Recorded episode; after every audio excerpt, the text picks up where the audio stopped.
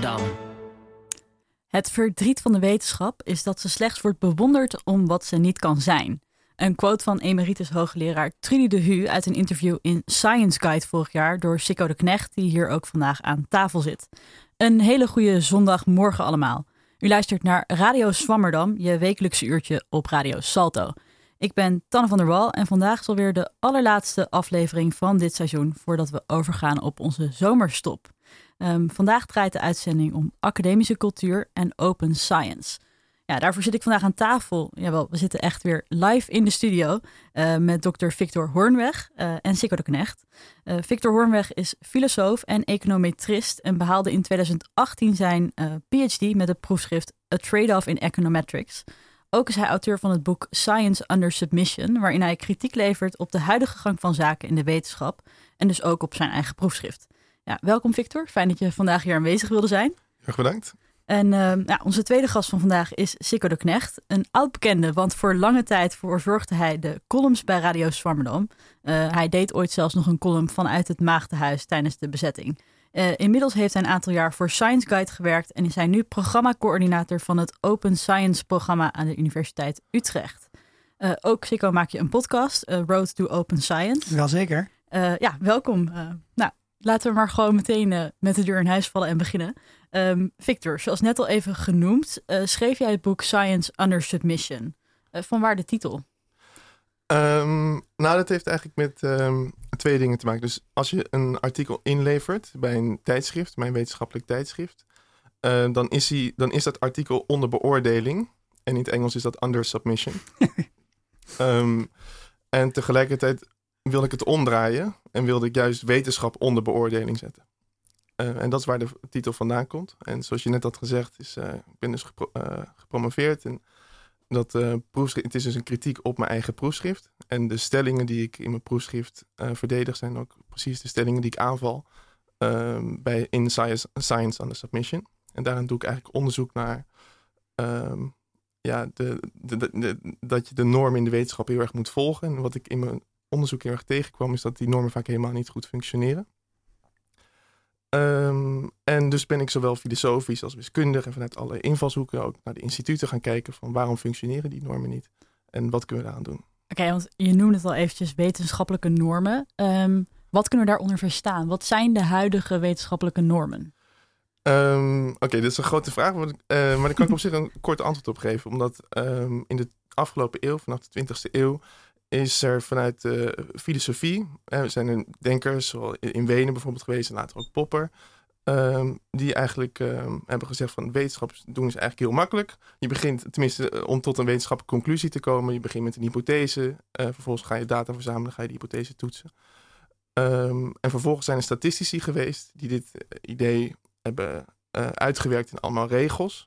En die statistische regels zijn vervolgens weer vastgelegd door instituten zoals tijdschriften.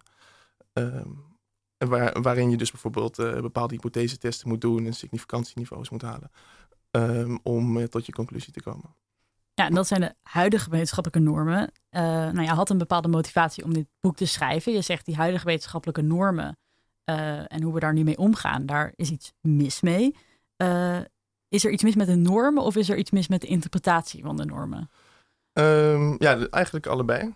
Uh, dus er is iets mis met uh, de normen zelf. Neem, ik heb net bijvoorbeeld de, het regeltje beschreven dat je eerst je hypothese moet opstellen en daarna de data moet gaan analyseren. Maar in bijna ieder vakgebied heb je wel historische datasets bijvoorbeeld. In economie heb je inflatiereeksen van de Amerikaanse economie die teruggaat tot bijvoorbeeld einde, na de Tweede Wereldoorlog. En iedereen is daarmee opgevoed. Elke econoom maar vervolgens, als je kijkt naar de artikelen die geschreven worden, dan, doen al die mensen alsof ze onafhankelijk van die dataset tot een hypothese zijn gekomen. En als ze vervolgens die hypothese gaan toetsen. Um, en dan klopt dus niet de beschrijving van het onderzoek met de verantwoording van het onderzoek. En er is nu zo'n sterke nadruk op de verantwoording van het onderzoek, dat de beschrijving daar eigenlijk uh, onder te lijden heeft. En dat het eigenlijk heel moeilijk is om aan te geven van nou, ik heb nog eens goed naar de data gekeken. En omdat ik goed naar die data heb gekeken, ben ik op dit idee gekomen. En daar wil ik graag nog wat over vertellen. Um, en dan kan dat idee kan een beetje gesteund worden door je data. Maar het wordt natuurlijk wel minder sterk, omdat je op basis van de data tot die conclusie bent gekomen. Mijn voorstel zou zijn, is prima dat je dat doet, maar schrijf het alsjeblieft op. Maar nu is de norm dat je, nee, de wetenschappelijke methode zegt eerst de hypothese, dan de data. En dat is, ik heb nu een voorbeeld gegeven in de economie. Maar je hebt natuurlijk hetzelfde in sterrenkunde of klimaatwetenschappen. Uh, de data van de klimaat die gaan terug tot uh, 1880. Iedereen die kent die inmiddels, zelfs leken. Dus onafhankelijk van die data tot je hypothese komen. Maar dat is eigenlijk onzinnig. Wat je dan eigenlijk bijna zegt, is we, we doen al onderzoek, soort van waar we die normen wat losser nemen, in het onderzoek doen. Maar hoe we het uiteindelijk presenteren, proberen we het in een soort format te schrijven waar het dus niet meer in past. Ja, zo kan het gaan. Maar ik denk ook, uh, er zijn ook even, waar, wat ik ook ben tegenkom, is dat gewoon evidente problemen überhaupt niet worden opgemerkt. Dat kan aan de ene kant liggen omdat mensen zo erg vanuit een bepaalde manier uh, kijken van hoe wetenschap altijd gedaan moet worden, dat ze niet ook op een andere manier hebben leren nadenken. Uh, maar dat heeft ook mee te maken met de interpretatie van de normen vanuit de tijdschrift. Dat was het tweede deel van je vorige vraag. Um, en eigenlijk zijn er twee manieren hoe, hoe de druk wordt gezet om, op, om wetenschappers de normen te laten volgen. De ene heeft met geld te maken. Dus de, op de grondslagen van de huidige statistiek. Uh, die zijn gebaseerd op het idee dat, op eigenlijk, dus de, een van de grondvaders daarvan, uh, die heeft gezegd: Oké, okay, um, ik probeer uh, strafmiddelen te ontwikkelen, zodat wetenschappers minder geld verdienen als ze zich niet houden aan de regels van de statistiek. En, de en dan heb je het aan geld voor onderzoek. Je onderzoek ja, nee, nee, gewoon ook voor experts. Gewoon bijvoorbeeld een geoloog die moet zeggen: zit er ergens olie in de grond, ja of nee? Um, en dan probeert hij zo de strafregel te maken dat hij zich moet houden. En, als hij daar een kans gaat zeggen: oh, zit er olie in de grond? Dat hij zich moet houden aan de regels van de statistiek. En de publicatiedruk, dat is daar slechts een uiting van. Dus nu zien we heel erg dat dus er wordt wat gedaan aan publicatiedruk. Maar dat komt voort uit de grondslag van de statistiek. Wat heel erg vanuit een managementbenadering is uh, geformuleerd. Dus er zijn, zijn niet alleen regels, het zijn gedragsregels. En dan komen we bij het tweede onderdeel van hoe de druk wordt gegeven op wetenschappers. Eén heeft met geld te maken. En daar wordt nu echt wel langzamerhand wordt daar wel, wel wat mee gedaan. Maar het tweede onderdeel is juist veel sterker geworden. Eenmaal nou, dat Iedereen Stapel-affaire, waar we het misschien later over hebben. Ja, daar gaan we het nog even over Nee, dat is prima. Maar dus dat, dat, is nog veel sterker geworden. Omdat, um, omdat ze nu hebben ze bijvoorbeeld met uh, uh, gedragsregels en de codes daarbij. Uh, zeggen ze eigenlijk, je bent een onintegere persoon als wetenschapper. Als je je niet houdt aan de regels van de propere wetenschap. En daarmee stel je ook eigenlijk um, de hele wetenschap in, in twijfel. Dus trek je hele wetenschap in twijfel. Dus als je afwijkt van de propere normen, heeft dat een hele grote uh, normatieve lading. In andere woorden, een inhoudelijk gesprek wordt vertaald naar een aanval op de persoon. Um, en dat maakt het heel erg moeilijk, voor mij ook. Ik heb het zelf ook ervaren, om, want ik wilde, ik wilde het wel bespreken. Dus wat ik zelf heb gedaan, ik ben eerst mijn eigen slordigheden gaan bespreken en vervolgens die van de ander. Uh, maar dan nog is dat heel erg moeilijk, want eigenlijk gooi je iemand een beetje voor de bus. Want dit is nu de huidige cultuur. Ik vind dat het anders moet. Ik vind dat we daar open over moeten kunnen praten. En ik denk dat je daarmee moet beginnen door je eigen fout ook uh, goed uh, te bespreken. Uh, maar dit is wel heel moeilijk, want ja, je moet ergens beginnen. En dan zeg je eigenlijk van ja, je, je, je, jouw conclusie klopt niet, want je bent selectief omgegaan met de data. Ja, dus je hebt eigenlijk jezelf een beetje voor de bus gegooid, bijna. Um, ja, ja, klopt, ja. um, Wat wel weer heel integer is. Omdat ja, ja, nee, dat is wel inderdaad denk ik de integere benadering. Uh, maar ik heb daarbij wel laten zien dat, de, dat ik door die benadering uh, wiskundige problemen kon opmerken en op, oplossen die anderen niet hebben opgelost. Oké, dus er kwam wel iets uit. Ja, en dat vind dat denk wel dat dat eh, relevant is om te benoemen. Dat ook bij wetenschap, bijvoorbeeld, we zijn nu, het dreigt een, mogelijk een kritische kijk naar de wetenschap te worden. Maar we kunnen zo kritisch zijn, omdat er ook zulke geweldige resultaten vanuit de wetenschap komen. Kijk naar je telefoon, is een wonder wat daar allemaal voor wetenschappelijke vernuft achter zit. Dus um, we kunnen, en ik denk dat veel wetenschap daar veel meer vertrouwen in kan hebben. En dat is veel meer mijn kijk op de wetenschap. Dat uh, er is zoveel te winnen door open te zijn over alle slordigheden en de moeilijkheden. Omdat we ook zo goed kunnen laten zien wat alle resultaten zijn. Niet alleen ondanks dat er slordigheid is, maar ook doordat er allerlei slordigheden zijn. Ja, want soms ontdek je gewoon door een foutje iets super vets. Ja, precies. Um, even om terug te gaan uh, naar die normen waar we het net over hadden. Want je zegt, uh, wetenschappers worden daaraan gehouden. Het, het, is een aanval op de integriteit als persoon als je je daar niet aan houdt. Uh, vanuit wie komt die aanval? Wie controleert dat je als wetenschapper die regels volgt? Ja, zoals dat nu is georganiseerd, dan stuur je je stuk op naar een uh, artikel, naar, naar een tijdschrift. En dan wordt daar gecontroleerd uh, of je aan de standaarden van de wetenschap hebt gehouden. Eigenlijk begint het daarvoor ook al. Dus bij een proefschrift, dat is uh, bij mij is daar een uiting van, maar in het algemeen, het gewoon nationale beleid. Dat je, moet laten zien dat je volgens de normen van de wetenschap onderzoek kunt verrichten. Dus eigenlijk begint het daar al. En eigenlijk begint het ook al helemaal op de middelbare school als je het helemaal wil doortrekken. Want dat is gewoon hoe we vanaf de middelbare school al leren Want je ziet eigenlijk nooit, er is een soort van belofte van een wetenschappelijke discussie die ergens plaats moet vinden. maar, die, maar die zie je nooit in tekstboeken. Ik zie ze niet in geschiedenisboeken, in wiskundeboeken. Ik zie nergens dat gesprek. Van, maar dat is een belofte. En dan denk ik van, oh, als ik later, als ik wetenschapper word, dan, dan zal ik het gaan zien. Maar telkens wordt het niet, uh, zeg maar, uh, waargemaakt. Maar denk je dan dus, um, want die, die regels worden dus gecontroleerd vanuit, nou ja, eigenlijk dus de hele community. Dus vanuit de tijdschriften zelf, uh, vanuit de universiteit, ja. vanuit je medewetenschappers. Het is iets wat we gezamenlijk nu als normen hebben aanvaren eigenlijk. Ja, precies. Ja, en er zijn bijvoorbeeld ook wel uh, onderzoekers, statistici, zoals Daniel Lakens uit uh, Eindhoven, die nu terug aan het kijken zijn in de literatuur van we hanteren altijd dat je met 0,05 uh, de p-waarde van zekerheid een hypothese. Ja, de bekende p-waarde. Oftewel, dus dit één keer op de twintig keer uh, geef je jezelf een soort free pass dat je het fout mag hebben en de rest van de tijd moet je het goed hebben. Nou, die is terug gaan kijken, ook in de literatuur van de mensen die deze regels dan hebben opgesteld. En dat zijn vaak mensen die hebben heel goed nagedacht over nou, wat zou je nou voor soort wiskundige of mathematische aanpak kunnen hebben in een bepalen of, uh, of je een uh, hypothese moet verwerpen, ja of nee. En die noemen dan zo'n 0,05 binnen een bepaalde context als een voorbeeld van een, van een getal wat je best wel eens zou kunnen gebruiken. Dat, dat is misschien wel handzaam. En vervolgens houdt gewoon heel de wetenschappelijke community op met discussiëren over de, deze benadering. En hanteert gewoon vijf decennia lang 0,05 als het heilige getal. En uh, komt daar nooit op terug. Daar is nu wel beweging in.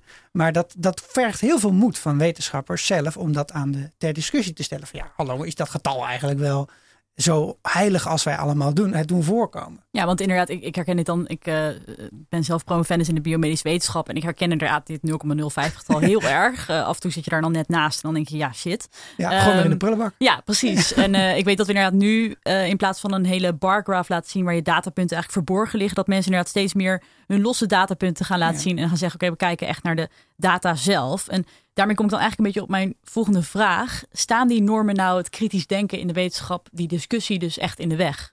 Uh, ja, zeker. Dus um, wat ik verschillende keren ben tegengekomen is dat uh, onderzoekers, verschillende onderzoekers, uh, verschillende uitkomsten en conclusies presenteren, terwijl ze exact dezelfde studie hebben gedaan. Dus met dezelfde hypothese, dezelfde methode en exact dezelfde dataset. bijvoorbeeld over prostaatkanker. En allemaal hebben ze andere uitkomsten omdat ze selectief met de data zijn omgegaan. Dus als een school die alleen de beste studenten naar voren schrijft op het moment dat hun onder, onderwijskwaliteit geëvalueerd wordt. En ik kon eenvoudig aantonen dat, het, uh, dat de resultaten, al die resultaten, uh, eigenlijk door de mand vielen. Als je niet op zo'n selectieve manier met de data omgaat. Maar dat is niet wat mij het meest interesseert. Wat ik zo verwonderlijk vind, dat is een voorbeeld. Dit gaat al tien jaar terug. Je ziet het terug in tekstboeken van professoren van Stanford University. Je ziet het terug in allerlei internationale uh, toptijdschriften. Hoe komt het dat niemand daar wat over zegt? En ik denk dat het niet genoeg is om dan alleen maar naar bijvoorbeeld publicatiedruk te kijken.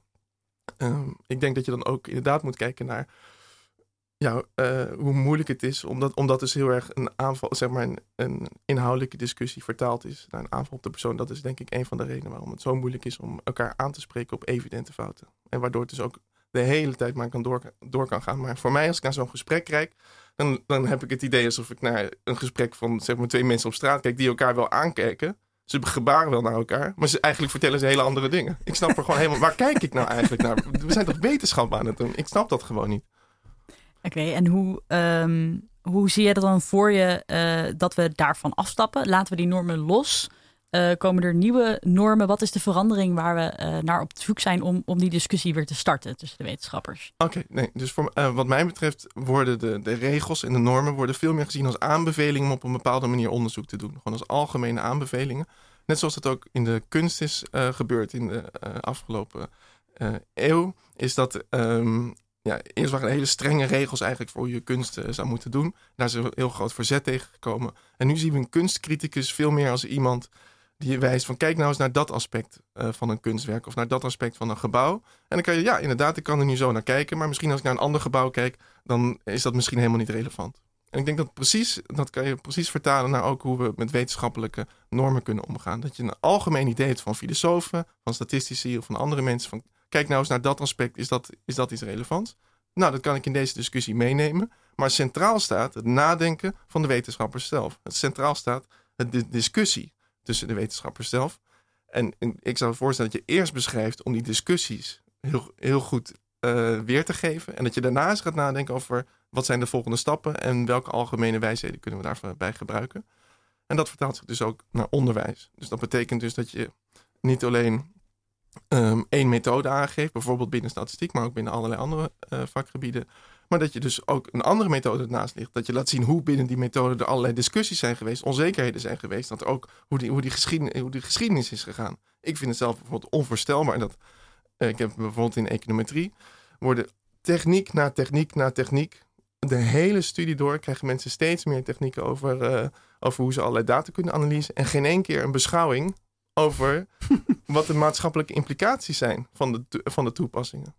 En, en dat is nu bij econometrie. En dat is al wonderlijk, want als je terugkijkt naar alle crisis die we gehad, bankaire crisis, uh, er zitten natuurlijk algoritmes die zitten daar helemaal, helemaal vol mee. Nou ja, hoe dan ook. Maar in ieder geval, dus, um, ja, dus ik denk dat, dat, dat qua onderwijs, dat je beschouwing in het onderwijs doet over waar ben je mee bezig, dat je verschillende uh, stromingen en de geschiedenis daarvan, dat je dat weergeeft. Dat, dat denk ik dat de meest voor dan laaghangende fruit is om ervoor te zorgen dat discussies mensen eigenlijk leren om een discussie te voeren. En nou kan ik me voorstellen uh, dat er mensen zijn die zeggen: oké, als we die normen dus meer als aanbeveling uh, gaan zien, uh, hoe waarborgen we dan nog wel de kwaliteit en uniformiteit? Nou misschien is die er dus nu ook al niet, maar hoe, hoe waarborg je dan ja, toch de kwaliteit van die wetenschap? Oké, dus ik zou zeggen dat uniformiteit is niet iets wat we moeten nastreven. Dus, um, dat, dus, dus, dus, dus dat is heel erg wat er is gebeurd in de, in, de afgelopen eeuw. Dat en daar is ook daar is iets voor te begrijpen. Dus wetenschap werd zo groot, allerlei verschillende vakgebieden, waar ze bang voor waren dat bijvoorbeeld verschillende vakgebieden hetzelfde onderzoek zouden gaan doen en niet, niet meer met elkaar konden gaan praten. Dus zeiden ze, laten we allemaal dezelfde methode gebruiken. Dan begrijpen we in ieder geval van alles wat we kunnen doen en dan kunnen we zo met z'n allen wat verder bouwen. Um, maar het is juist die, die drang voor uniformiteit, de drang voor het vinden van een onderliggende waarheid en wat eigenlijk de beschrijvingen van hoe onderzoek gaat heel erg in de weg ligt. Ja, dankjewel. Ik denk dat dat een heel mooi antwoord is om uh, mee te eindigen. En uh, door te gaan naar het volgende waar ik het over wilde hebben met jou. Uh, je had het net al heel eventjes over Diederik Stapel. Um, nou ja, een groot deel van de wetenschap die plaatsvindt is vaak verbonden aan uh, universiteiten. En we hebben het er net over gehad. Die universiteiten die hanteren deze wetenschappelijke normen. en hebben zelf ook een zekere autoriteit te bewaken als universiteit zijnde. Um, maar wie controleert de universiteit en hoe goed houden universiteiten zichzelf aan hun eigen regels? Nou, misschien een van de grootste Nederlandse voorvallen in de wetenschap van de afgelopen jaren uh, vond plaats in 2011 toen Diederik Stapel, uh, hoogleraar cognitieve sociale psychologie destijds, op staande voet ontslagen werd nadat grootschalige fraude aan het licht kwam. Het voorval is inmiddels uh, nou, wel een begrip geworden, kan je zeggen. Ik hoor wel eens mensen stapelen gebruiken als werkwoord in plaats van frauderen. Um, we luisteren even naar een kort fragment dat destijds werd samengesteld door Pauw. Um, met reacties uit die periode. De Universiteit van Tilburg stelt een hoogleraar op non-actief. De Universiteit van Amsterdam laat onderzoek doen naar het wetenschappelijk werk van ex-hoogleraar Diederik Stapel. Hij vervalste acht jaar lang allerlei data die in de meest vooraanstaande tijdschriften werden gepubliceerd. Ik heb gefaald als wetenschapper. Erger dan dit kon bijna niet. Ik dacht dat ik mensen hielp. Slodder wetenschap. Het heeft mij geschokt, moet ik u zeggen. Nu blijkt gewoon dat hij in plaats van onderzoek te doen acht jaar lang een soort toneelstukje heeft opgevoerd. De waarheid was beter afgeweest zonder mij. De commissie is werkelijk van de ene verbazing in de andere gevallen. Dit is iemand die vals speelt. Uh, die de spelregels heel goed kent. Een enorme aantasting van de wetenschappelijke integriteit. Hij is zelfs een van de grootste fraudeurs wereldwijd uh, aller tijden. Ik voel diepe, diepe spijt voor de pijn die ik anderen heb aangedaan. Ik voel verdriet, schaamte en zelfverwijt. Ja, Diederik Stapel. Daar bent u. Hoe gaat het eigenlijk? Ja, goed. Ja, hij gaf zelf aan, het ging wel goed met hem. Uh, ja, we horen hier schokkende reacties met een uh, heftig muziekje op de oh, fraude shit. van Diederik Stapel. uh, onder andere professor Dijkgraaf was aan het woord, maar we hoorden ook Diederik Stapel zelf over zijn fraude. Um, Victor, hoe verliep dit proces en ja, waar ging het mis? Um, bedoel je met het proces nou ja, van Diederik Het proces wat hierop volgde eigenlijk. Okay. Ja, het proces wat hierop volgde. Oké, ja. okay, het proces wat hierop Dit was even ter dus, inleiding. De uh, commissie Leefveld die ging dat uh, onderzoeken. Um, en um, eigenlijk wat opvallend is uit het rapport wat ze hebben gepresenteerd... is dat de grote voorstellen die ze doen... en de, de fundamentele regels waar ze het over hebben... die gevolgd moeten worden... is dat ze die zelf niet in hun eigen onderzoek hebben gevolgd. Ehm, dus eh, de vragen die gesteld werden waren bijvoorbeeld niet gestructureerd en waren heel erg sturend en alleen op zoek naar de, de, de dingen die verkeerd zijn gegaan, terwijl hun doel was om de onderzoekscultuur te beschrijven. En voor, voor, voor hun is het een fundamentele wet, schrijven ze, dat je ook de observaties die je eigen hypothese uh, ontkrachten, dat je die net zoveel ruimte geeft als de observaties die je eigen hypothese Want sterker maken. Ook daar hebben we trouwens een fragment van, um, van, de, van de uitslag van het rapport. Dus die kunnen we zo ook nog even luisteren. Maar heel even terug te gaan um, die fraude van Diederik Stapel kwam aan het licht. Ja. Uh, toen is er een commissie aangesteld. Door wie en vanuit waar? Ah, Oké, okay. dus uh, de universiteiten. Die hebben de uh, commissie aangesteld. De, drie verschillende universiteiten waar die in die tijd heeft gewerkt. En die zijn vervolgens samengebundeld. Hebben ze eerst een interimrapport geschreven. En daarna een eindrapport geschreven. En dat is het Leefwat-rapport. En dat is dan het Leefwat-rapport. Ja, bedankt. Uh, ja, om je niet te onderbreken. Nee, nee, helemaal goed. um, nou ja, en vervolgens zeggen ze, oké, okay, bijvoorbeeld data moet opgeslagen worden. Zelf hebben ze de gesprekken niet opgenomen. Um, ze zeggen dat klokkenluiders beschermd moeten worden. Maar de AIO's die zijn opgebeld door journalisten met het met de eindrapport. Terwijl ze die zelf nog niet eens hadden gelezen en daar wel om gevraagd hadden. Dus er zijn allerlei voorbeelden van dingen die daar uh, zeker niet goed zijn gegaan. Gewoon in het onderzoek zelf. Um, maar nu nog relevanter voor nu is de, hun aanbeveling van hoe kunnen we het vertrouwen van de wetenschap herstellen. Um, en wat zij zeggen is, we moeten de autoriteit van de regels en van de onderzoeksleiders herstellen. En wat, wat mij betreft is dat precies waardoor er veel wantrouwen komt in wetenschap. Omdat als je, als je zeg maar, kennis op basis van autoriteit, dat lijkt mij een bron van wantrouwen. En kennis op basis van een goede discussie, dan denk ik dat je de, belofte inlost die al in de middelbare school gemaakt wordt.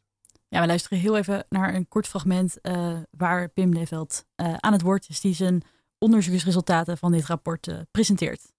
Als onverwachte bijvangst leverde de analyse van Stapels Uivre een beeld op van onderzoekspraktijken waarin sloppy science aan de orde van de dag was. Ik zal dat verder aanduiden met slodderwetenschap. In veel publicaties, ook niet frauduleuze, werden grondprincipes principes van ordentelijk wetenschappelijk onderzoek met voeten getreden. We geven daarvan in het eindrapport veel gedetailleerde voorbeelden. Gegevens die de onderzoekshypothese niet bevestigen, werden op allerlei manieren weggewerkt. Ja, uh, dit fragment uh, stuurde je mij toe. Mm -hmm. um, Levelt heeft het hier onder andere over slodderige wetenschap. Ja. Uh, maar hij noemt inderdaad ook nou, de regels inderdaad. Um, wat had hier beter gekund aan dit proces? Um, ik denk als eerst dat er een onafhankelijke ombudspersoon moet komen die um, integriteitskwesties onderzoekt. Die dus onafhankelijk is van de universiteit. Wat je nu ziet is dat vanuit de universiteit de commissie wordt aangesteld om integriteitskwesties te onderzoeken. En we zijn nu iets van tien jaar verder. En de schandalen, ja, nu kom ik toch op dat woord, die stapelen uh, zich uh, nog steeds um, op. En wat daar opvalt, we hebben bijvoorbeeld onlangs hebben die uh, kindergingaffaire gehad over een, uh, over een docent die intimiderende manier van lesgeven had. Um, eigenlijk is daar helemaal niks nieuwswaardig aan waarom daar twee pagina's in de NRC over uh, geschreven moeten worden. Het enige nieuwswaarde die er echt in zit, is de manier waarop die klachtenprocedure is verlopen. Dus de manier waarop, dus de, informatie uit de gesprekken, die zijn bijvoorbeeld publiekelijk bekendgemaakt. En die zijn bekendgemaakt aan professor Kinderging. Um, en zo zijn er alle dingen daar niet, daar niet goed in gegaan. En dus één ding wat, wat, wat, ik zou voorstellen is dat het onafhankelijk van de universiteit dit soort onderzoeken verricht wordt. Zit daar een, een parallel in met bijvoorbeeld de kerk die zelf misstanden en seksueel misbruik onderzoekt, of het leger wat zelf hè, bepaalde machtsverhoudingen gaat onderzoeken in plaats van het over te laten aan externe partijen? Is dat hetzelfde proces ja. wat je daar ziet? Nee, zeker. Dus uh, al die processen, ook de bankaire sector, ja. dan is het een, een zelfreinigend or, orgaan. In de wetenschap is zelf, zelfreiniging schijnt iets heel erg prettigs te zijn. Dat, dat, dat, is, um, dat staat altijd centraal in um, ja, hoe, hoe, hoe er met dit soort kwesties wordt omgegaan. En waarom is dat? Controle houden van de reputatie van de universiteit. Ja, dus dat gaat echt om die autoriteit die de universiteit zelf wil bewaken. Ja. Um, hebben, zijn er genoeg schandalen om daar een onafhankelijke ombudsman voor in te stellen? Want die zou dan wel primair daarmee bezig moeten zijn. Want nou, ik zal, ja. even, ik zal één, één kort voorbeeldje geven. Dat er eentje is van uh, Rotterdam, wat daar is gebeurd. Dus daar was een uh, Dim van der Boom, professor, die werd uh, van plagiaat beticht. Dus dat ze stukken in de proefschrift van andere mensen had overgenomen in de literatuursectie daarvan. Uh, nou, de universiteit heeft die klacht niet ontvankelijk verklaard. Vervolgens is het bij de NRC terechtgekomen. Uh, is dat, uh, en is, hoe heeft de universiteit er nou op gereageerd? Eén is, ze hebben een commissie samengesteld die tot de conclusie gekomen dat het helemaal geen plagiaat genoemd mag worden, terwijl de rest van de wetenschap het eigenlijk wel vindt. Um, en het tweede is, wat er gebeurd is, is dat ze een detective bureau hebben ingehuurd om de e-mailboxen van 21 van hun werknemers te onderzoeken. Waaronder de vertrouwenspersoon uh, van die gemeenschap.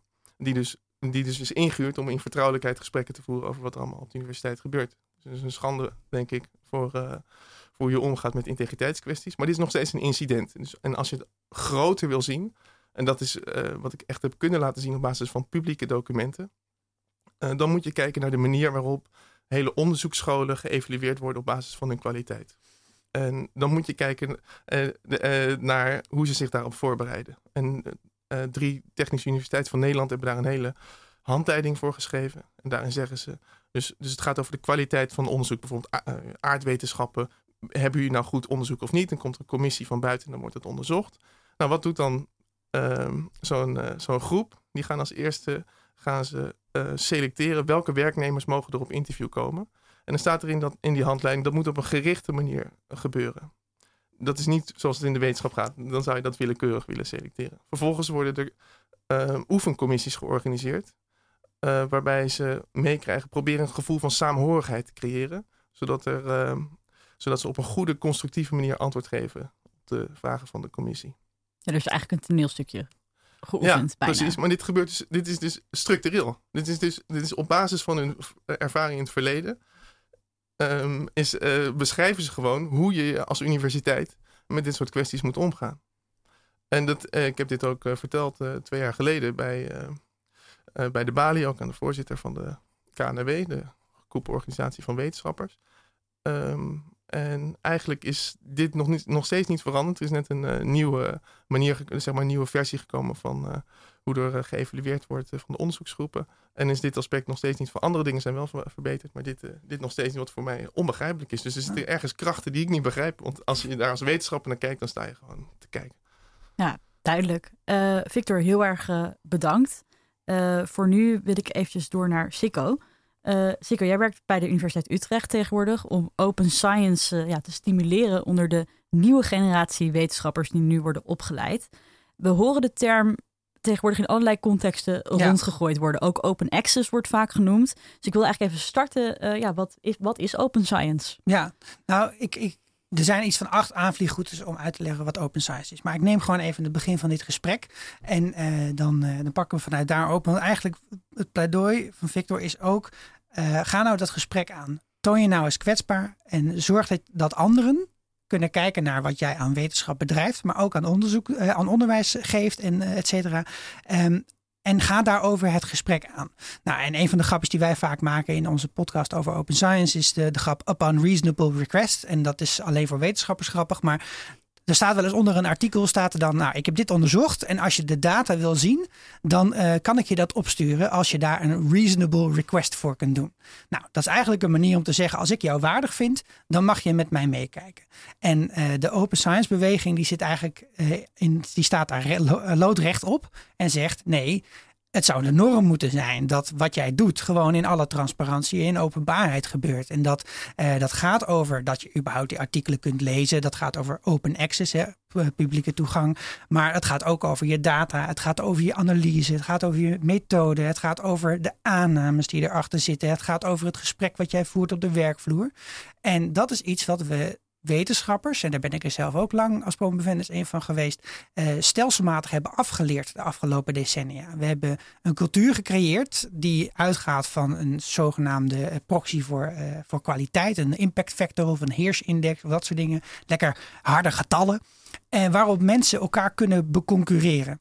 En als je concurrentie in zo'n systeem stopt en die maakt het heel erg belangrijk voor jouw carrière, voor hoeveel geld je binnenhaalt, et cetera, dan krijg je een situatie waarin mensen heel gesloten gaan opereren en uh, ja, hun eigen niches gaan creëren, strategie gaan ontwikkelen, het spel eigenlijk gaan spelen alsof het een spelletje is, in plaats van dat het zou gaan om gezamenlijk antwoorden zoeken op vragen die relevant zijn voor de wetenschap, voor de samenleving en voor het onderwijs.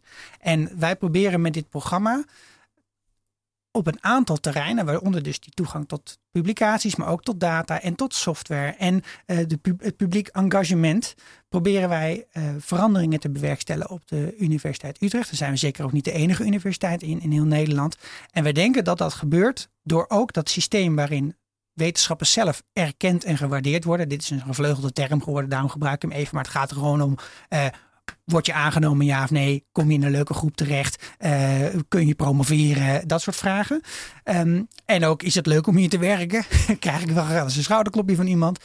Dat je ook naar dat systeem gaat kijken en gaat zeggen: wat doen we nou eigenlijk nu? Wat voor gedrag werkt dat in de hand? En hoe kunnen we het zo tweaken dat het een gedrag in de hand werkt, een cultuur creëert die veel collaboratiever is, veel opener en veel meer gericht op het betrekken van anderen in plaats van het eh, je eigen pad lopen.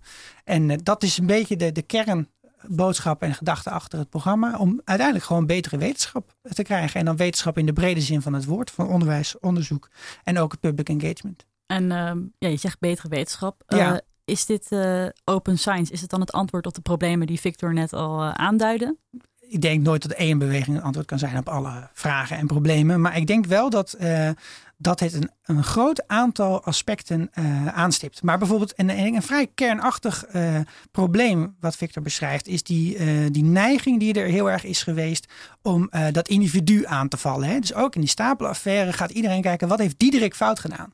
Maar dat is, dat is begrijpelijk, want je wil, hè, daar zijn mensen goed in. Wij zijn er goed in om te kijken wat heeft iemand voor valsspelerij gedaan. Dan kunnen we dat. Maar er, er zijn toch maar weinig mensen die zo eigenlijk, zoals Victor, de moed en het lef hebben om te zeggen: wat is nou eigenlijk mis met het systeem? Wat doe ik nou eigenlijk verkeerd? Wat, wat is het nou in de manier waarop ik een ander zijn werk of haar werk beoordeel?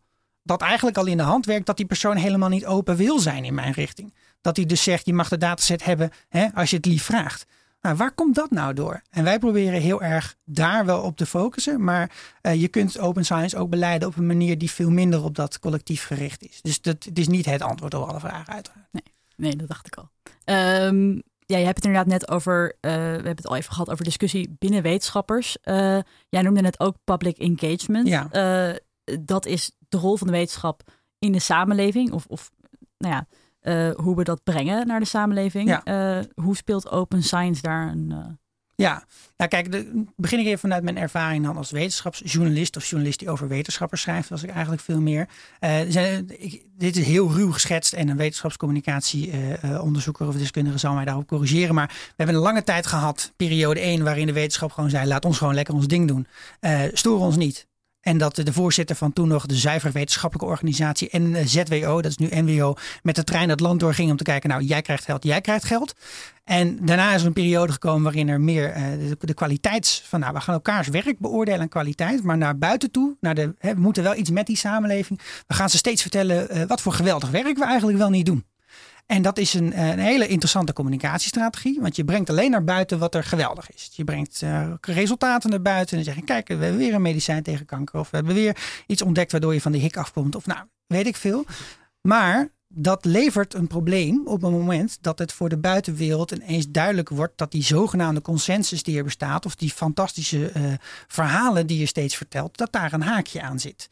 En dan krijg je een hele harde backlash. Ja, we hebben hier uh, ook een fragment over. Want ik, ik, begon inderdaad de aflevering net al met een quote uh, van emeritus hoogleraar De Hu over het verdriet van de wetenschap. Ik wil graag nog even nog een quote uit hetzelfde interview met haar aanhalen. Uh, diep van binnen weten we dat er niet zoiets bestaat als onomstotelijk bewijs. En dat hadden we het publiek ook nooit wijs moeten maken. Nou, een goed voorbeeld van een wetenschappelijke ontwikkeling die tegelijkertijd meteen in de samenleving een grote rol speelde, waren de mondkapjes de afgelopen paar jaar. Uh, leek misschien een beetje warrig, want uh, ja, wel of geen mondkapje. Bescherm je nou jezelf? Bescherm je anderen? Uh, een dubbel mondkapje misschien, medisch of niet medisch. ja, ook in Amerika speelde ditzelfde probleem. En ondanks zei Dr. Fauci, die vanaf het begin betrokken is geweest bij het coronabeleid in Amerika.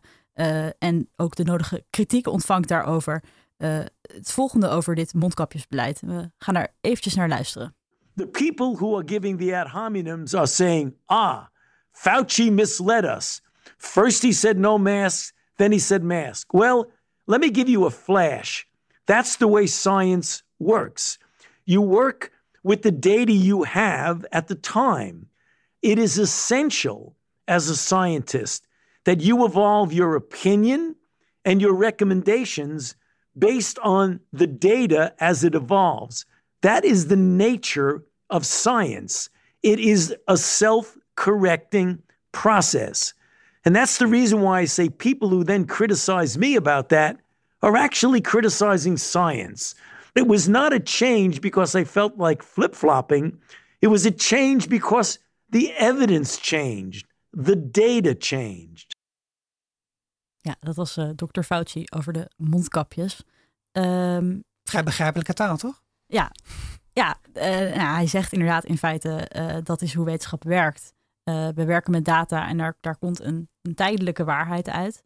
Um, maar niet iets wat als heilig feit um, naar de samenleving uh, gecommuniceerd moet worden. Maar dat ja. gebeurt nu dus wel.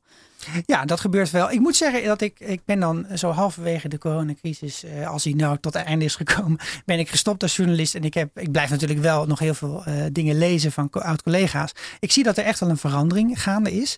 En die zit er bijvoorbeeld heel erg in dat veel meer journalisten die over wetenschap schrijven, en ook een aantal die helemaal niet over wetenschap schrijven, er nu over schrijven op een hele volwassen manier. En niet zeggen dat ze toen daarvoor allemaal kleuters waren, maar dat, dat, het, dat als ik artikelen lees, ook in de Volkskrant en ook in NRC, dat, dan lees ik dat mensen echt die artikelen hebben gelezen en hebben gezegd: waarom concluderen we nu dat uh, transmissie van het virus niet gebeurt in de buitenlucht? Nou, dat is één studie, die is gedaan in Hongkong, die is zo en zo gedaan. En die gaan dus veel meer kijken naar dit is het proces wat vooraf ging aan het trekken van deze conclusie. En dat hebben ze zo en zo gedaan. Dat betekent dus ook dat het over deze en deze situatie niets zegt. En dat betekent ook dat als dit komt, als tegenbewijs, dat we dat zouden moeten bijstellen. Dus er is echt wel een ontwikkeling gaande en een positieve ontwikkeling. Ik denk ook dat het zelfreinigend vermogen waar Fauci het hier over heeft, is dit. Hè? Dus daarvan, je, je, je krijgt data en je wordt weer, weersproken. En daarom pas je, je je interpretatie aan en daarom ga je een nieuwe proef doen of je gaat een nieuwe analyse doen. Dat is denk ik niet helemaal het zelfreinigend vermogen waar Victor het net over had. Want dat is op één niveau hoger. Dat zit op meer cultuurlevel. Ja. Maar dit is wel, um, dit is wat we lange tijd als academie of als onderzoekers hebben onthouden aan het bredere publiek dat dit is hoe het in elkaar steekt. En dat dit is uh, hoe wetenschap bedreven wordt. En dat ik sprak ook nog uh, helemaal aan het begin van de coronacrisis een heel interessant iemand, Alex Friedrich uit Groningen, die toen, die toen zei in Nederland van we moeten nu echt een stuk harder gaan en we moeten opschalen, et cetera. Want die had gesproken met zijn collega's in Italië. Die had een opvatting over wetenschap en wetenschappelijke meningen. Die zei nee, ook wetenschappelijke meningen bestaan. Sterker nog, het is jouw mening als wetenschapper dat je het zo moet interpreteren. En dat je op basis van deze en deze, uh, deze, deze observaties deze en deze conclusie moet trekken. Maar hij zei daarbij, het verschil met een mening en een wetenschappelijke mening is dat je van een wetenschappelijke mening altijd bereid moet zijn om hem alle minuut op te geven. En dat een mening die je bijvoorbeeld hebt in politieke zin of aan de keukentafel op een verjaardag, dat dat eerder een spelletje is van hoe kan ik zo lang mogelijk mijn stelling blijven verdedigen. En dat juist die wetenschap zichzelf zou moeten, zou moeten uitblinken in, oh, nou ja, als dat zo is, ja, dan heb ik een probleem. Dan is dit verhaal wat ik had bedacht en de prachtige uitleg die ik hier in een figuur heb gezet in dit, in dit toonaangevende tijdschrift, daar klopt dan eigenlijk helemaal geen hout meer van. Dus helaas, we gaan verder. Maar dat wordt nog altijd, en dat is niet raar, want wetenschappers zijn mensen, gezien als reputatieschade of als uh, verlies van standing. Hè. Zoals een politicus ook, omdat hij uh, zijn schoonmoeder knuffelt op zijn bruiloft, dan ineens niet meer geloofwaardig is. maar zo, zo moet wetenschap niet werken. Tenminste, dat, dat, vind, dat, dat stiekem wordt dat ons allemaal ook geleerd als wetenschapper. Zo moet het niet werken. moet juist eigenlijk bijna een fles champagne opengaan op het moment dat je een doorbraak hebt omdat je geen gelijk had. Maar als je een systeem maakt waarbij het dus heel erg gunstig is om in je eigen gelijk te blijven geloven en je eigen laboratorium of je eigen vakgroep eromheen te bouwen en een bepaalde richting uit te lopen en iedereen in je veld weg te spelen doordat je hun artikelen steeds afkeurt omdat ze niet, hè, niet uh, complementair zijn in jouw verhaal dan krijg je een situatie waarin dat, dat, dat, dat, dat, dat, datgene wat die wetenschap zou beloven, hè, wat eigenlijk waar Trudy het over heeft, dat dat dus helemaal nooit tot wasdom kan komen. Je ja. zit wel een hele grote tra tragiek in het verhaal. Omdat ja. um, dit is, de, de, grap is namelijk dat bijvoorbeeld mensen als Popper, dat is precies wat zij wilden bereiken. Maar hoe ze dat hebben proberen te bereiken, is door vaste regels ja. te zetten over hoe wetenschap gedaan moet worden. En juist die regels staan zo'n uh, staan zo'n discussie vaak ja. in de weg. Ja, maar die regels zitten dus niet alleen in de wetenschap in bed, maar die zitten dus ook in hoe we dat communiceren. En de samenleving uh, heeft daar nu ook een bepaald beeld van. Ja. hoe stel jij die verandering voor om dat dus anders naar de samenleving te gaan brengen? Want je, je zegt dat gebeurt nu al. Journalisten brengen dat op een andere manier. Dan gaat het alsnog wel om een, ja, bijna een kritiek van een journalist op een wetenschappelijk stuk op dat moment. Mhm. Ehm, ja, hoe kunnen we dat goed naar de, hoe kunnen we de samenleving daaraan laten wennen eigenlijk? Ja, dus eigenlijk is het, het rampscenario wat ik beschrijf, is eh, net als in The Wizard of Oz, dat je aan het einde van de rit trek je dat gordijn weg en oh shit, het, is, was helemaal geen tovenaar.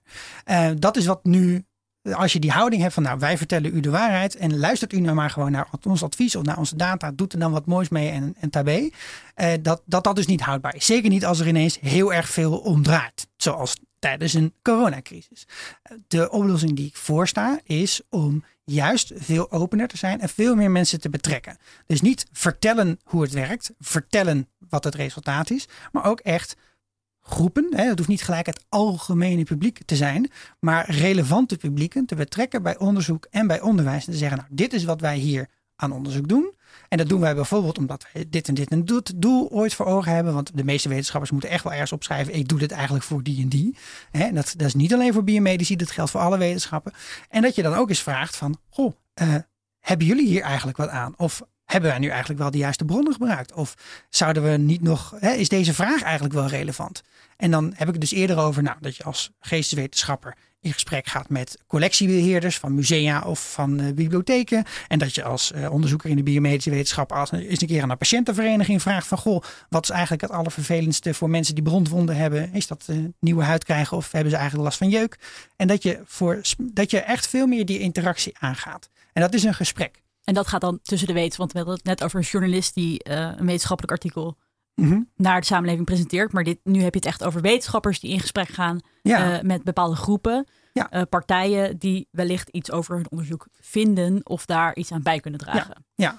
En, en stiekem gebeurt dat natuurlijk op heel veel plekken gebeurt dat al. Hè? We hebben allerlei, we hebben een onderwijsraad en een gezondheidsraad en een ditraad en een dat adviesorgaan, et cetera. En er zijn zeker ook genoeg wetenschappers die zich bezighouden en betrekken bij eh, beleidsvorming of die eh, op allerlei manieren bij de gemeente betrokken zijn, weet ik wel niet meer. Alleen dat is wel voor een bepaald echelon is dat, uh, is dat specifiek aangewezen. Dus hoogleraren mogen dat doen of zo. Want ja, de rest die, die is blijkbaar te dom om dat te doen. Ze mogen wel studenten lesgeven, maar ze mogen niet in gesprek met de samenleving. En uh, het is ook niet iets wat uh, gewaardeerd wordt of erkend wordt. Dus Victor, jij, jij kon je proefschrift niet, niet doen als je zeg maar te weinig artikelen had. En in plaats van een wetenschappelijk artikel nou eens een keer een onderzoeksproject had in een wijk met een heel directe uitkomst, maar zonder artikel. Dat, had, dat wordt in heel veel universiteiten wordt daarop neergekeken, wordt daarop gefronst. Van dat is niet de bedoeling. Zo doen wij hier geen onderzoek. Dat voldoet namelijk niet aan die standaarden waar we het over hadden. En dat is wel iets, dat is, dat is een hele lange weg. Maar we merken dat wetenschappers en groepen uh, onderzoekers die dit soort dingen ook echt doen, in de praktijk brengen en kijken hoe betrek ik nou meerdere publieken bij mijn onderzoeksproces. He, dus niet alleen maar bij van hier, ik ga je vertellen wat we hebben gevonden, maar ook van wat zullen we gaan doen, met welke datasets, wat zijn relevante vragen. Dat die ook allemaal rapporteren. Natuurlijk ook met, uh, met de negatieve voorbeelden, maar in het algemeen van hé, hey, dat heeft heel erg geholpen eigenlijk. Ik maar, denk dat je daar misschien ook al veel eerder mee kan beginnen. En misschien basisschool, misschien een beetje vroeg, maar laten we zeggen begin van de middelbare school. We hebben nu ja, bijvoorbeeld met geschiedenis. We hebben het nu over Indonesië. Wat is er eigenlijk allemaal Ja. gebeurd? Als je kijkt naar die geschiedenisboeken, dan kom je niet zoveel te weten. Dan krijg je een beetje het idee dat we daar een soort van verlichtingsideaal hebben overgebracht. En toen iedereen daar was opgevoed, dat we toen weer vriendelijk zijn weggegaan. Als je de geschiedenishoofdstukken leest, nou, je krijgt wel iets van details dat er iets misschien is misgegaan.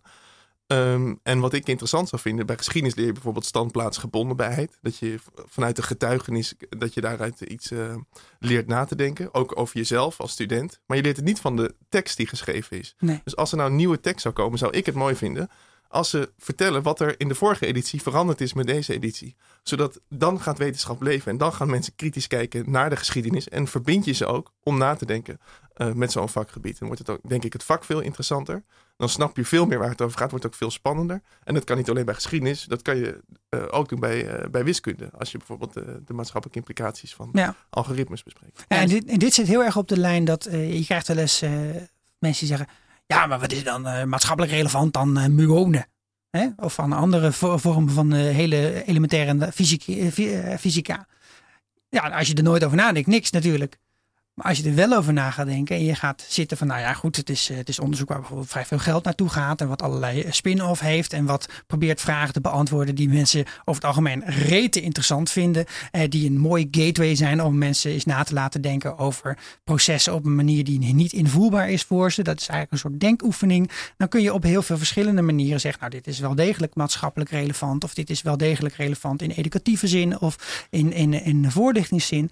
En dat is eigenlijk een beetje de, de uitdaging die we stellen vanuit het Open Science programma. Is dat we steeds tegen academici zeggen van bedenk nou eens op welke manier jij, zeg maar, waarom jij dit eigenlijk doet. Tot, tot, welk doel en voor wie dan eigenlijk? En dan hoeft het niet zo te zijn dat je dan vervolgens teruggaat naar een bepaalde groep en zegt, nou, wat moet ik onderzoeken en dan ga ik dat doen. Hè? Nee, je hebt zelf namelijk ook gewoon een, eh, een achtergrondkennis en een, eh, en een uh, vrij lang repertoire waar je op kan baseren. Maar wat is er mis mee om aan die tafel waar je besluit, dit, dit is het onderzoek wat we gaan doen, of dit is wat we met de resultaten gaan doen, dat je daar eens een keer een externe bij uitnodigt. Nou ja, maar ik kan me wel voorstellen dat er wetenschappers zijn die zeggen: Ik wil, als ik me zo erg aan de maatschappij meet de hele tijd en daarin meega, kan je als wetenschap nog vooruitlopen op de maatschappij? Of loop je dan zo erg mee met de maatschappij dat er te weinig vernieuwing uh, is en minder inzichten? Wat is je nou, daarover? Vooruit en achteraan, achteraan eh, ik weet eigenlijk niet of, eh, of, de, zeg maar, of de geschiedenis zich op die manier daadwerkelijk ontwikkelt. Maar um, ik kan me die zorg wel voorstellen. Maar waar ik voor pleit is niet een uh, complete overhaal waarbij de, uh, de, de regie ineens helemaal bij de maatschappij zou komen te liggen. Mhm. Ik vraag wetenschappers om erop te reflecteren dat ze in sommige vakgebieden, en mijn vakgebied was daar zeker één van, het helemaal geen reet meer kan schelen. Bijna. En zo erg bezig zijn met hun eigen ding. Dat je denkt, ja oké, maar er wordt nog steeds gewoon, uh, hè, je hebt nog steeds gewoon een plek in de samenleving, nog steeds gewoon een verantwoordelijkheid. De universiteit is een instituut wat daar is ten behoeve van die samenleving. Die betaalt je overigens ook. Zou je hè, dat palet iets willen verbreden? Dat is de enige vraag. En dan beloof ik je erbij, het wordt ook nog leuker. En het wordt ook nog interessanter. Het is niet dat je zegt, nou we gaan nu vandaag vragen van uh, wat, wat, wat wil de VVD dat wij onderzoeken en dan gaan we dat doen. Dat, gaat, dat, is, dat is een stroomman. Om terug te komen op hoe het was. Um, met die opmerking uh, wil ik dit deel van het gesprek even afsluiten. En dan uh, wil ik graag gaan uh, luisteren naar de column. En die is vandaag geschreven door Teun Dominicus. Er waait een spook door de Nederlandse universiteiten. Het spook van de cancel culture. Tenminste, dat is wat iedere derde rangs columnist ons graag doet geloven. Iedere week weet de student, promovendus of oud-collega van Paul Cliteur, u weet wel, de man die moslims graag op de trein naar het oosten wil zetten, dit fantoom weer op een opiniepagina te krijgen. Maar wat mag er dan volgens hen niet meer gezegd worden? Dat de holocaust een feestje was? Dat de slaafgemaakte suikerrietkappers op Haiti een prettiger leven hadden dan beurshandelaren in Amsterdam? Enkel omdat dichter bij de, bij de Evenaar de zon harder schijnt? Natuurlijk mag je dit allemaal zeggen. Maar dat betekent niet dat iemand je serieus hoeft te nemen. Of aardig moet vinden. Het is niet gek dat je niet op de bar mitzwa van de zoon van je collega welkom bent, als je te pas en te onpas het, Wessel boert. De klucht is ontmanteld, we zien wat ze is. Een verslavend spelletje waarbij strooppoppen worden opgetuigd met als enige doel meer kliks, likes en views. Dus laten we deze jengelende kleuters achter in de ballenbak en ons focussen op de echte problemen in het hoger onderwijs. Want die zijn er genoeg. Het overheidsbudget voor de Nederlandse universiteiten loopt al jarenlang achteruit. De rijksbijdrage per student is sinds 2000 met meer dan 25% gedaald. Als studenten weten wij direct wat het resultaat hiervan is. Legbatterijwerkgroepen die kunnen oplopen tot ruim 50 studenten, drie regels commentaar op een essay van 8000 woorden, vakken die worden geschrapt als er minder dan 20 aanmeldingen zijn, talenstudies als Portugees, Roemeens en Hongaars die niet meer bestaan. Ik kan het hier allemaal herhalen, maar dit is bij iedereen bekend. Om de paar jaar staat het Malieveld vol en bestormen studenten het Maagdhuis om beter onderwijs te eisen. De minister is het dan zeker met de studenten eens en praattafelpresentatoren buitelen over elkaar heen om te zien of er tussen de jonge opgroeikraaiers niet een potentiële nieuwe Siebert zit. Zo'n inhoudsloos droogkloot gezicht dat het goed doet op de treurbuis. Na twee weken trekt de mediakaravaan weer verder, op zoek naar een nieuwe rel en verandert de minister haar beleid niet. Wat overblijft zijn overspannen docenten en onderzoekers die in hun vrije tijd onderzoekartikelen moeten schrijven. De zin die ik het vaakst van academici heb gehoord, is dat ze blij zijn met de zomervakantie, want dan hebben ze eindelijk tijd om dat ene publieksboek te schrijven. Hier moet cynisch aan worden toegevoegd dat dit gaat over de groep die achterblijft op universiteit. Velen verlaten de instelling, want na drie of vier tijdelijke contracten worden ze bedankt voor de onbetaalde overuren en de deur gewezen. De oplossingen vanuit Den Haag zijn al jarenlang hetzelfde. Een yoga-cursus voor overspannen docenten. Een training efficiënt agendabeheer. Je vraagt je af of ze bij het ministerie van Onderwijs enig idee hebben wat er op de campus in het land gebeurt. De Algemene Rekenkamer gaf deze week een duidelijk antwoord op deze vraag. Voor het berekenen van hoeveel onderzoeksgeld naar universiteiten moet, ging het ministerie van Onderwijs uit van hoe de situatie in 1984 was. Niet het boek van Orwell, nee, het jaar 1984. U weet wel, het jaar waarin Doe maar stopte met muziek maken, Marvin Gaye werd vermoord, Michel Foucault overleed aan de gevolgen van AIDS en Mark Zuckerberg werd geboren. 1984 is bijna evenveel jaren van ons verwijderd als de Tweede Wereldoorlog was in dat jaar. Alsof sociale zaken in 1984 nog extra voedselbonnen aan het bijtrekken was. Zo incapabel is ons ministerie van Onderwijs dus. Maar dan komt de grote vraag. Wat te doen? De volgende keer op een echte onderwijspartij stemmen en dan vier jaar duimen draaien en hopen dat het goed gaat komen? De afgelopen 30 jaar komen de ministers van Onderwijs van alle mogelijke partijen. De enige overeenkomst tussen alle bewindspersonen, ze draaien ieder jaar de zuurstofkraan een tikkeltje verder dicht. Genoeg om ademhalingsproblemen te krijgen, maar te weinig om te sterven. Het roer moet radicaal om, dat is duidelijk. Maar hoe? Academici hebben geen tractoren, zijn altijd genuanceerd en gaan het gesprek aan, zelfs als het huis in brand staat. Ik zie het hoop, hopeloos in. Want steeds zullen er vakfanatici zijn die wekenlang vier uur per nacht slapen om dat artikel te perfectioneren. Docenten die de eindeloze stroom mails van studenten beantwoorden, zelfs als ze daardoor hun eigen kinderen niet meer zien. Academicus zijn is een roeping. We doen het uit liefde. De wetenschap in Nederland is een crème passionnel op onszelf. Ja, dat was de column uh, van uh, Teun Dominicus. Uh, we hebben nog heel korte tijd. Chico, als uit, oud maagdhuisbezetter, reacties? Ja, ik herinner me dat we in die tijd het vooral hadden over rendementsdenken en de cultuur waarin men zich verloren had in het denken in lijstjes en, uh, en, en, en, en, hele slechte indicatoren voor kwaliteit. Dat, dat doen we eigenlijk nog steeds ook in het Open Science programma waar ik dan in, werk. Um, de vraag en de roep om meer geld, die is mij zeker ook niet onbekend. Ook vier jaar lang over geschreven als hoofdredacteur van Science Guide. Ik denk zeker niet dat je moet pleiten voor minder geld. Ik denk ook dat er zeker op bepaalde onderdelen meer geld bij moet. Uh, dat, maar dan heb ik het eigenlijk vooral over onderwijs. Um, dat, dat is een beetje mijn korte analyse van, uh, van al die dingen die ik voorbij heb zien komen. Maar universiteiten en ook de medewerkers aan de universiteiten moeten ook goed naar zichzelf kijken. En dat is eigenlijk ook wat hij zegt. Van nou ja, wanneer komt nou een keer die, die staking? Wanneer komt nou een keer dat moment dat zeggen mensen, ik heb hier gewoon geen zin meer in. En dat was aan het begin van die maagdhuisbezetting heel eventjes ter sprake kwam dat. Van nou, wat moeten we nu doen? En ik was toen een van de mensen die zei, nou ja, ga eens op je eigen afdeling vragen waar in godsnaam dat geld blijft. En waarom jij er niet over mee mag praten. En waarom het hier zo georganiseerd is als het is georganiseerd. En waarom iemand die een beurs krijgt van de NWO kan zeggen, nou ik doe dus nu geen onderwijs meer. En dat soort vragen. En het is vrij snel verworden in een, uh, in een klacht in de richting van Den Haag. Die ik ook begrijp. En dat rapport van afgelopen week, dat is ook echt stuitend om te lezen.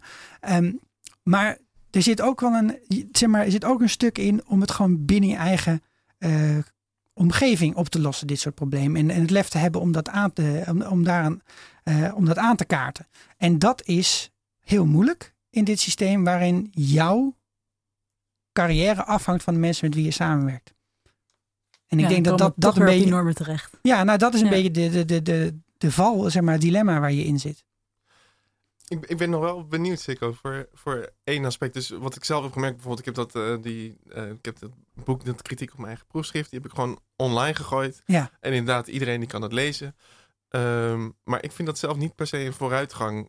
democratisch, zeg maar, ik vind niet een vooruitgang in wetenschap per se als alles maar gewoon online wordt gegooid. Mhm. Want ik vind zelf de selectiefunctie dat je bepaalt van. Het, ik, ik vind dat het minder moet gaan naar wordt een artikel geaccepteerd of geweigerd. En meer moet gaan naar wordt het aanbevolen Ja. of niet. Of, Ja. of niet aanbevolen. En dat we dat vervolgens kunnen zien hoe die, hoe dat, eh, hoe die procedure is gegaan. Ehm, en dat mis ik soms een beetje nog bij de open science beweging. Wat ik zie van, ja, gooi het maar allemaal op het internet, dan is het in ieder geval beschikbaar. Dus Mhm. dat lijkt democratisch. Maar als je die hele belangrijke functie van, van wetenschappers niet centraal stelt... om ook te bepalen welke artikelen zijn nu urgent en moeten eh, meer podium krijgen... Hoe, Ja. hoe moeten we dat dan aanpakken? Nou, die curatiefunctie, hè, van ja, je bent er wel net degelijk natuurlijk om van elkaars werk te kijken. Van heeft dit eh, een bijdrage geleverd aan mijn eh, vakgebied? Ik zie zelf, zeg maar, in onze projecten rond open access bijvoorbeeld en, eh, en data is, is ook dit nu ook de tweede golf. Dat we zeggen eh, dat gepubliceerd of niet gepubliceerd is niet zo relevant. Een preprint online zetten en daar de commentaren oplezen van anderen. En dat dat als een geheel te zien is op een website en op een platform. Dat is eigenlijk veel informatiever. Dus wij zoeken naar manieren om mensen te stimuleren om dat te doen. En dat betekent dus bijvoorbeeld dat je voor een proefschrift niet meer de eis hebt van een aantal gepubliceerde artikelen. Maar bijvoorbeeld artikelen die bepaalde discussies hebben losgemaakt. En dat kan een commissie best bepalen van een eh promovendus. Ja. Dus ja, ik ben het heel, heel erg met je eens. Het is eh, zeker een tweede stap in deze ontwikkeling. Ja, en met die consensus en de Oh, eindtune. Consensus aan het eind? Consensus aan het eind. En de eindtune op de achtergrond. Eh, dat betekent dat de uitzending er alweer op zit. We hadden het vandaag over academische cultuur en open science. En daarvoor zat ik aan tafel met Victor Hoornweg en uh, Sikko de Knecht. Mocht je hier nou meer over weten, eh, kijk naar de podcast Guide to Open Science. Maar hou ook Victor in de gaten, want er komt nog een populair wetenschappelijk boek aan, begreep ik. En jouw boek Science Under Submission is, zoals je net al zei, eh, publiekelijk eh, toegankelijk op internet. We luisterden ook naar een column van Teun Dominicus. En de techniek werd vandaag verzorgd door, veroorzaakt, door mijn collega Marielle Doedens. Eh, de uitzending van vandaag is later terug te luisteren op onze website radioswammerdam.nl en komt als podcast op onder andere Soundcloud, iTunes en Spotify. Wil je reageren op deze uitzending? Dat kan eh, op Facebook, Twitter en Instagram Radio Zwammerdam. Maar ook door een mailtje te sturen naar redactie.radioswammerdam.nl. Zoals ik al zei, eh, dit is de allerlaatste uitzending van dit seizoen. Maar niet getreurd, alle uitzendingen staan online en kan je deze zomer lekker terugluisteren. Genoeg te doen dus. Eh, we zijn in september gewoon weer terug, dus Kijk. hou onze social media vooral in de gaten daarvoor. Ik ben Tanne van der Wal en u luistert naar Radio Zwammerdam. Bedankt voor het luisteren en een fijne zomer.